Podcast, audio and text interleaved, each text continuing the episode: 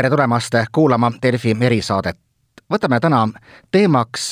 ühe organisatsiooni, organisatsiooni, mis pälvis viimastel nädalatel päris palju tähelepanu, kuna ta oli üks nendest, kellele otsustati vahepeal riigi tasandil raha mitte anda ja nüüd on raha välja makstud. tere tulemast, Kelly Krostal Eesti Inimõiguste Keskusest. kõigepealt, kuivõrd, kuivõrd jahmatav see oli, ma, ma tean, et ühele valitsuserakonnale olete te miskipärast pinnuks silmas, aga ikkagi see, et ühel päeval öeldakse, et kõik sellised lepingud enam ei kehti, nüüd on, nüüd vaadake ise, kus saate. tere ja aitäh kutsumast, et äh, seda küsimust on tõesti väga palju küsitud äh, nii tööalaselt kui õhtul sõprade poolt äh, jalutuskäikudel või kus iganes, et päris aus vastus on, et tegelikult see oli lausa šokeeriv ehk me oleme ju näinud tõesti seda pretsedenditut rünnakut äh, vabaühenduste vastu, inimõiguste vastu, vähemuste vastu juba mitu head aastat, aga seda, et ka Eestis äh, võiks olukord jõuda selleni, et riik ise taganeb äh, oma lepingust, ideoloogilistel põhjustel siiski eelkõige, oli küll meie jaoks ikkagi pigem selline suur üllatus. Ja mm, noh, mingis mõttes muidugi ettevalmistus oligi tehtud selle retoorikaga juba pikalt, et me ise ka tegelikult oma inimõiguste aastaaruandes esimest korda juhtisime tähelepanu sellele, et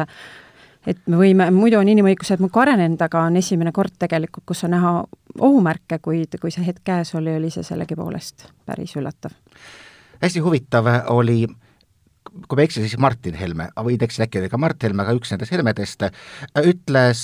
et miks me peaksime toetama neid ühendusi, mis ei toeta valitsuse poliitikat. ehk siis noh, andes ka mõista, just nagu teie töötaksite Eesti valitsusele vastu. kuidas seda seostada nüüd inimõiguste kaitsega?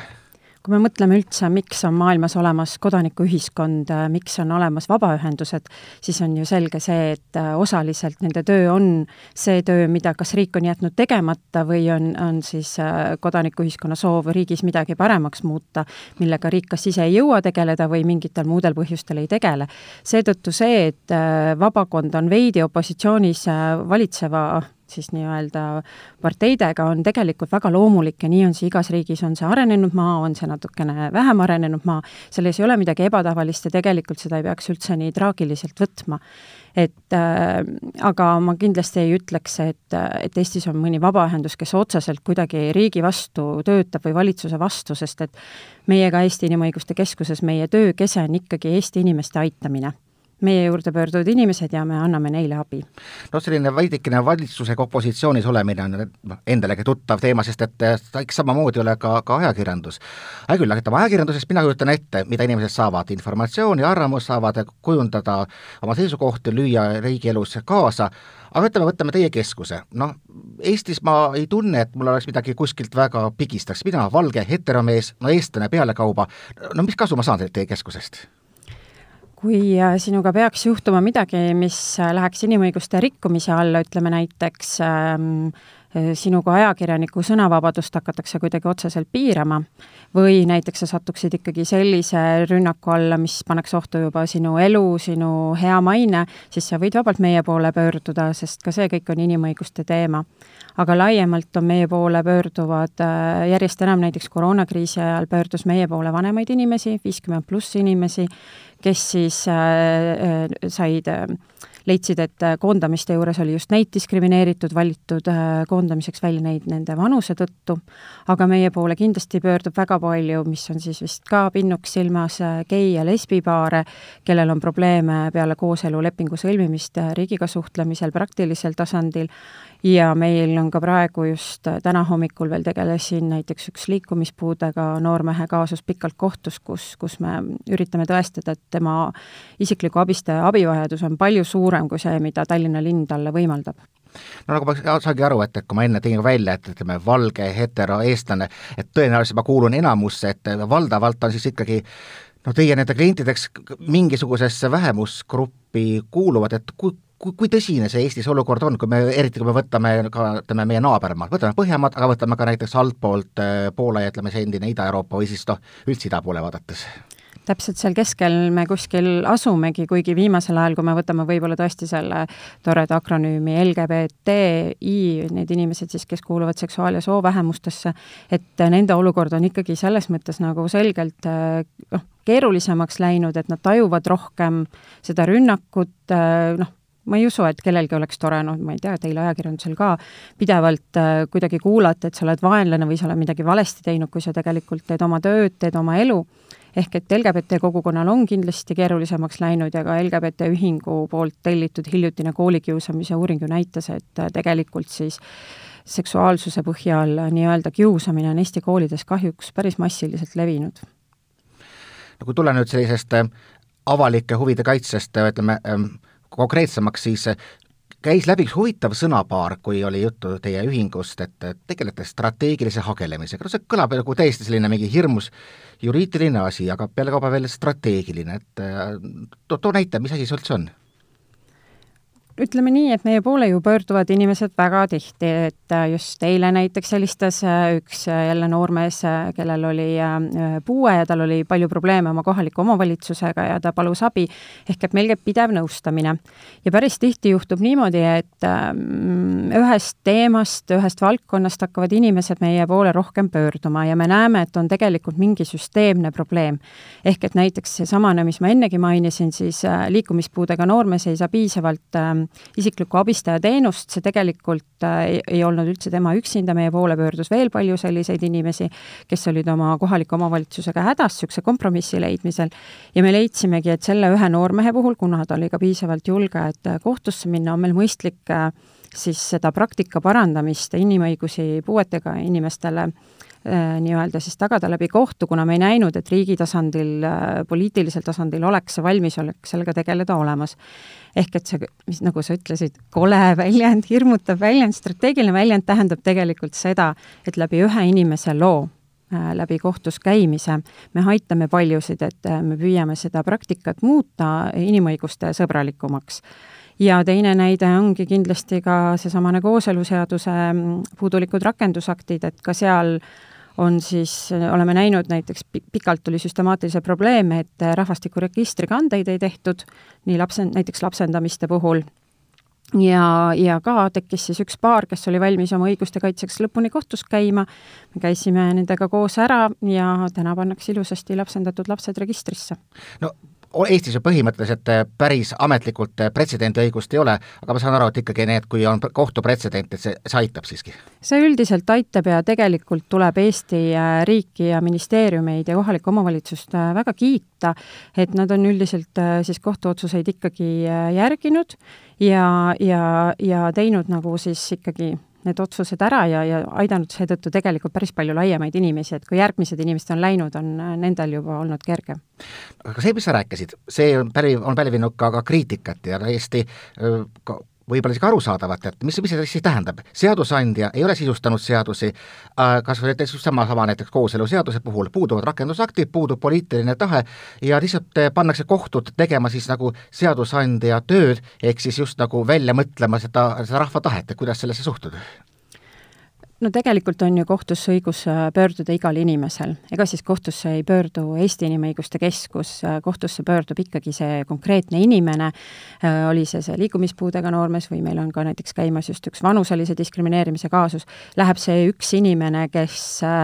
lihtsalt meie poolt on vajanud seda juriidilist tuge, abi ja nõu ja, ja advokaadi abi, ehk et ka sina, Krister, kui sinuga midagi juhtub, võid ju minna kohtusse ja öelda, et inimene, kes läheb kohtusse seetõttu, et ta on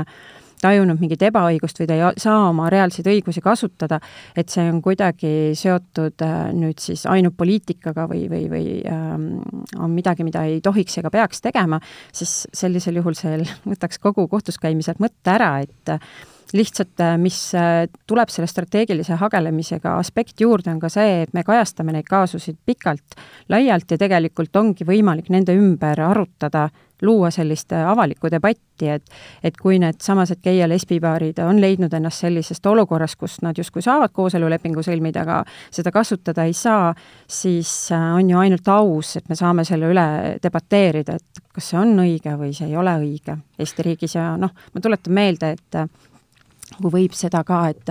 et öelda, et rahva tahet näiteks ei ole kooselulepingu puhul, on natukene ekslik väide, sest tegelikult äh, turu-uuringute uuring näitab ju, et et natuke on kooseluseaduse pooldajaid juba Eestis tegelikult täna rohkem kui neid, kes on vastu, et äh, väga tihti need loosungid on justkui, et Eesti oleks väga gei- ja lesbivaenulik maa, aga see tegelikult ei ole päriselt nii see oli täitsa huvitav, mul jäi ka silma see, see uuring, kus eh, vaatamata kogu sellele retoorikale, mis viitaks vastupidi, tuli välja, et Eesti on muutunud eh, märksa tolerantsemaks, ehk põhimõtteliselt lihtsalt eh, no ütleme, antud, antud juhul, antud siis kooseluseaduse puhul te lihtsalt lasete kohtul nii-öelda noh, täita seda praaki, mis on tek-, tekkinud praeguses olukorras seadusandjate poolt? No jaa, me leiame, et nii nagu heteroinimestel, nii nagu sinul ja minul, on geidel ja lesbidel samamoodi inimõigused ja kui neid ei ole nagu praegu parlamendi tasandil sisustatud, siis tegelikult õiguses on üldse õigus peab lähtuma inimõigustest, võrdsest kohtlemisest, et äh, kohtu, kohtud on neid võimalusi tõesti leidnud, aga see ei tähenda muideks, et kellelegi nüüd valet muljet ei jää, muid, et kohtud alati otsustavad meie suhtes positiivselt, üldsegi mitte, me oleme samamoodi kohtus kaotanud ja ja selline see ühiskonna areng ja õigussüsteemi areng on, et äh, vahel võidad, vahel kaotad. milleks peab see inimene valmis olema, sa ütlesid ka, kes on nagu üldse nagu leidnud enda sisemist jõudu minna kohtusse, see on ikkagi siis aastaid Andrese Pearu mängimist, et äh, ärge ärkad igal hommikul ja mõtled oma kohtuprotsessi peale ja jah, tõepoolest, ega see ei ole lihtne, näiteks toon jälle selle liikumispuudega noormehe mm, juhtumi, kuna see on meil võib-olla olnud kõige aktiivsem viimasel ajal, alles hiljuti oli kohtuistung, et tema on nüüd kohtus käinud meie advokaadi äh, Meris Vellingu abiga juba neli aastat kui ta, see noormees oleks maksnud advokaadile, siis me räägiksime täna sellisest äh, müstilisest summast ilmselt nagu kakskümmend tuhat eurot. ja, ja see on olnud pikk ja ta peab iga kord seal kohtus jälle selgitama, et miks ta vajab seda abistajat, milliste tegevuste juures, see on väga isiklik jutt tegelikult, ja viimane kord me nägime kohtusaalis pisaraid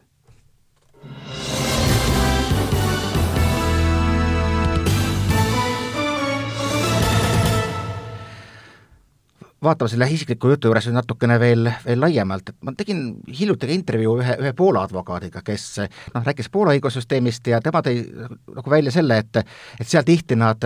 ot-, lähevadki välja selle peale, et otsida abi üldse Euroopa õigussüsteemis, kuna Poola enda kohtusüsteem on, on juba nagu on piisavalt allutatud äh, riigivõimudele, et jah, et ega meil seda ei ole, me saame ka praegu veel Eesti kohtutest ikkagi selle õiguse kätte, mis, mis vähemalt teie tunnete, et see õigus on, ehkki ta noh, te mõnikord ka, ka, ka kaotate, nagu sa ütlesid. Eesti kohtusüsteem on tõesti õiglane mm,, ikkagi väga selles mõttes õigusepõhine, et need ideoloogia kombitsad ei ole jõudnud täna Eesti kohtusüsteemi sellisel äh, viisil, nagu me näeme tõesti seda juhtumas Poolas ja Ungaris, et kohtunikud määratakse ikkagi nende kogemuse, nende õigusteadmiste põhjal, et hetkel me küll nii suurt murekohta veel Eesti kohtutes ei näe, kuigi me ka ise oleme võitnud tõesti ühe sellise kaasuse, kus kohtunik keeldus lesbipaari lapsendamisest väga eelarvamuslikel põhjustel, et ka Eesti Ekspress kirjutas sellest loost pikemalt. aga inim-, ka kohtunikud on inimesed ja, ja nii see käib ja, ja selle jaoks meil on kolmeaastaline kohtusüsteem, et tegelikult ka nende kohtunike enda eelarvamusi vähendada no kui, kui, kui lapse, kui lapse kingades meil kõik see siin Eestis on, et praegu ma kuulan sind ja tulen aru, et tead, on umbes üks organisatsioon, kes tegeleb sellega, sellise strateegilise hagelemise ja siis inimeste õiguste kaitsega läbi selle tegelikult Eestis inimeste õiguste kaitsega ja ma, mina isegi õiguste kaitse kõlab ka, aga tegelikult me tegeleme inimeste aitamisega. Selliseid organisatsioone on ikkagi veel, et kui me mõtleme ka naiste varjupaigad pakuvad ju tegelikult eh, siis lähisuhtevägivalla all kannatavatele inimestele juriidilist abi, kui vaja, ka kohtus suhtlemisel politseiga, ohvriabiga, ka nende juures töötavad juristid, meie endine kolleeg, kui me mõtleme ka Eesti LGBT Ühingule, ka nemad annavad tegelikult sellist esmast nõustamist ja psühholoogilist nõustamist, et ei saa saa öelda, et see oleme ainult meie, aga võib-olla jah, mis see meie eripära on võrreldes teistega, on see, et me saame aidata inimesi ka sellel pikal äh, kohtuteel, mis, nagu kui sa enne küsisid, et et mis see isiklik tasand on, et mis need inimesed üldse peavad tegema, kes sinna lähevad, et ega see ei ole lihtne. et võib-olla jääb mulje, et äh, me käime seal kohtus palju, inimesed tahavad kohtus minna, ei ole, kohus on kõige viimane lahendus, mis, mis ühe inimese õiguste elus peaks üldse olema, et loomulikult enne proovitakse ikka kõiki teisi viise no kui ma nüüd vaatasin strateegilisest hagenemisest, siis tuli ka uudis, et, et, ka Varro Vooglaid on loomas oma õiguskeskuse. ilmselt noh, tema enda agendat siis edendama, ehkki ta tõi ka just välja nagu sõnavabaduse kaitse, ärme sellesse ideoloogilisse debatti nüüd lasku, aga ütleme, sa ma saan aru, et tegelikult võib nüüd juhtuda hoopiski see, et hakkab tulema nii ühelt kui teiselt poolt äh, üsnagi kalliks minevaid, pikalevenivaid, tähelepanu pälvivaid protsesse, kus, kus seadusi tõlgendatakse. võib-olla nat-, natukene nii-öelda nagu äh, Ameerikas, et advokaadid äh, muudkui paisuvad ja, ja ja lõpuks me nagu mässume sellistesse lõpututesse protsessidesse, ma ei tea, kuidas sellesse suhtuda ma väga loodan, et keegi ei pea inimõigusi üldsegi ideoloogiaks, et äh, inimõigused on kirjas äh, põhiõiguste kataloogis meie Eesti Vabariigi põhiseaduses ja ja, ja kõikides teistes konventsioonides ja deklaratsioonides, millega Eesti Vabariik on ise vabatahtlikult liitunud. seega mina ei näe nagu inimõiguste eest seismises tegelikult sellist äh, ideoloogiat, mida on ilmselt nagu vaja muidugi meediale, sest et on vaja üksteist vastandada, muidu ei ole neid toredaid uudiseid, mida kirjutada ja leib jääb ka äkki ahtamaks. et äh, nagu ise ei näe seda vastuseisu, sest meie tegeleme just sellega, mis on niigi meie, meie seadustes ja alusdokumentides ja põhiväärtustes äh, kirjas. aga loomulikult äh, me toetame Inimõiguste Keskuses seda, et kõigil teistel vabaühendustel on õigus, ühinemisvabadus, nad võivadki täpselt teha seda, mida nad soovivad, mille jaoks nad rahastust leiavad ja mille jaoks nagu siis nad leiavad kliente ja tellimust. no mina näen nagu ühte sellist väikest probleemi, mis võib juhtuda, kui seda hakkab nagu mitmelt poolt sellist kohtus käimist tulema, noh siiamaani ikkagi valdavalt on olnud siis, kui keegi kaitseb noh, puhtalt ikkagi enda huve ja kui sa noh, ma ei tea, avaldad kuskil arvamust või siis, kui sa noh, mõni inimene läheb, ütleme, kohtusse tahab sind süüdistada laimus, aga seda väga tihti ei juhtu, aga et hakatakse mingisuguseid selliseid su suuremaid ühiskondlikke äh, debatte pidama just nimelt meie väikese inimese peal, keegi täpselt äh, võtab äh, kuskil sõna, võetakse tema kaasus ette, veetakse inimene läbi kohtu, mis juhtub, on see, et et inimesed ei, ei taha enam üldse varsti sõna võtta, jäävad ühiskondlikust elust kõrvale, kas seda, seda ei karda, et kui selline asi nagu laiemaks läheb, selline hagelemine noh, mitmelt poolt? ma tegelikult arvan, et see on juba mingis mõttes juhtunud täna ja see ei ole seotud küll nüüd kuidagi ainult hagelemisega, et et ka ma ise näiteks olen väga palju raadio- ja teleintervjuusid äh, ära öelnud just seetõttu, et ma tunnen, et see õhkkond, äh, milles me täna peame debatti pidama, ei ole enam selline, kus kõlaksid sisulised argumendid või kus saaks tegelikult, ähm, kui sa oled kunagi koolis käinud ja raamatuid lugenud, kus sa saaksid äh, rääkida seda, mida sinu kogu haridus- ja väärtussüsteem on sulle andnud, vaid sa peaksid justkui osalema mingisuguses pidevas ähm, no sellises tõesti mm, ärevas äh, vestluses, kus on vaja rohkem emotsioone kui sisu. seega igal juhul ma arvan, et see on juba juhtunud ja, ja ega midagi pole teha, kui, kui selline on siis nii-öelda populismi ajal rahva ja äh, tellimus, et äh, ei saagi sulle võib-olla täpsemalt selles mõttes mingit ju prognoosi anda, et kuhu see kõik edasi viib või või mida teeb see, kui see kohtus käimine tõesti peaks intensiivistuma ja kui on ka selliseid väga ambitsioonikaid äh, advokaate, kellele see meeldib ja kes läbi selle ka oma brändi ehitavad, et äh, see on ju nende vabadus äh, seda teha. no ja me teame maailmas ju ka, ka näiteid, ütleme sellistest pooldemokraatlikest või rohkem ütleme, auto, autokraatse suuna võtnud riikidest, kus ühe meetodina kasutab kohtuid riik selleks, et lämmatada sõnavabadust, et noh, ikka ajalehes tuleb aeg-ajalt mingi stiilist mingi vale väide, aga siis, siis lajatatakse ka ajalehele selline trahv, et paar sellist juhtumit ja paneb endale üldse pillid kotti, noh Eestis ma saan aru ikkagi on see, et praegu äh, kohus on see, kus emotsioonid ei loe, kohus, kohtus mängib seadus täna kindlasti Eesti kohtus jah, loeb seadus, aga, aga ma täitsa soovitan, kellel on aega, võib minna Inimõiguste Keskuse koduleheküljele humanrights.ee või inimõigused, õigused siis .ee, et me just eile avaldasime seal intervjuu advokaat Meris Vellinguga, kellega me siis koostööd teeme, ja tema näiteks seal ka pikas intervjuus just mainib ära selle murekoha, et et selle laimu eest siis äh, need äh, nõuded on muutunud äh, liiga suureks ja üha suuremaks ja et need nõuded on näiteks liiga suured võrreldes sellega, aga mida mõistavad ju kohtud välja näiteks äh, füüsiliste inimkannatuste eest, surmade eest, autoavariis saadud vigastuste eest, et, et et kui me noh, et tegelikult see ei vasta meie ühiskonna väärtushinnangutele, sest ka näiteks noh, laim on juba dekriminaliseeritud, kuid need nõuded on suuremad kui teinekord, kui keegi nõuab jalaluumurru või mõne püsiva vigastuse eest. Aga kus jookseb see piir, nii-öelda inimõiguste piir, kus teie tulete vastu, see on sama asi, ma tunnen näiteks, et et näiteks riik äh, tahab äh, mind ebaõiglaselt suure nõudega äh, vaigistada, mina väidan, et see on inimõiguste teema, riik ütleb, et vabandust väga, see on lihtsalt äh, puhas tsiviilvaidlus ma tean, et äh, see on väga ebaseksikas vastus, mille ma nüüd annan, aga iga kord, kui me peame Inimõiguste Keskuses midagi otsustama või arutama, siis me võtame päriselt selle jaoks aega. me analüüsime, me kaasame teisi juriste, advokaate, me mõtleme pikalt, kas selle kaasusega on mõistlik edasi minna, me teeme sellise analüüsi, et et jällegi, et võib-olla meedias teeb mulje, et kuidas kõik on emotsioonide peal, kindlasti ei ole et need otsused on väga-väga läbimõeldud ja seetõttu ma ei saaks sulle täna siin laua taga öelda, et et just selle võtame, just sellega lähme edasi, just seda teeme, vaid tegelikult see on ikkagi rahulik, sisukas, läbimõeldud töö. ma just mõtlesin, et kui palju saab üldse sellise kas või saatega reklaami teha, et nüüd kõik kuulevad, et et saate tasuta õigusabi, et oh, tulevad ukse taha, et, et ikka kõigepealt proovida läbi teie, kui minna enda kalli advokaadi juurde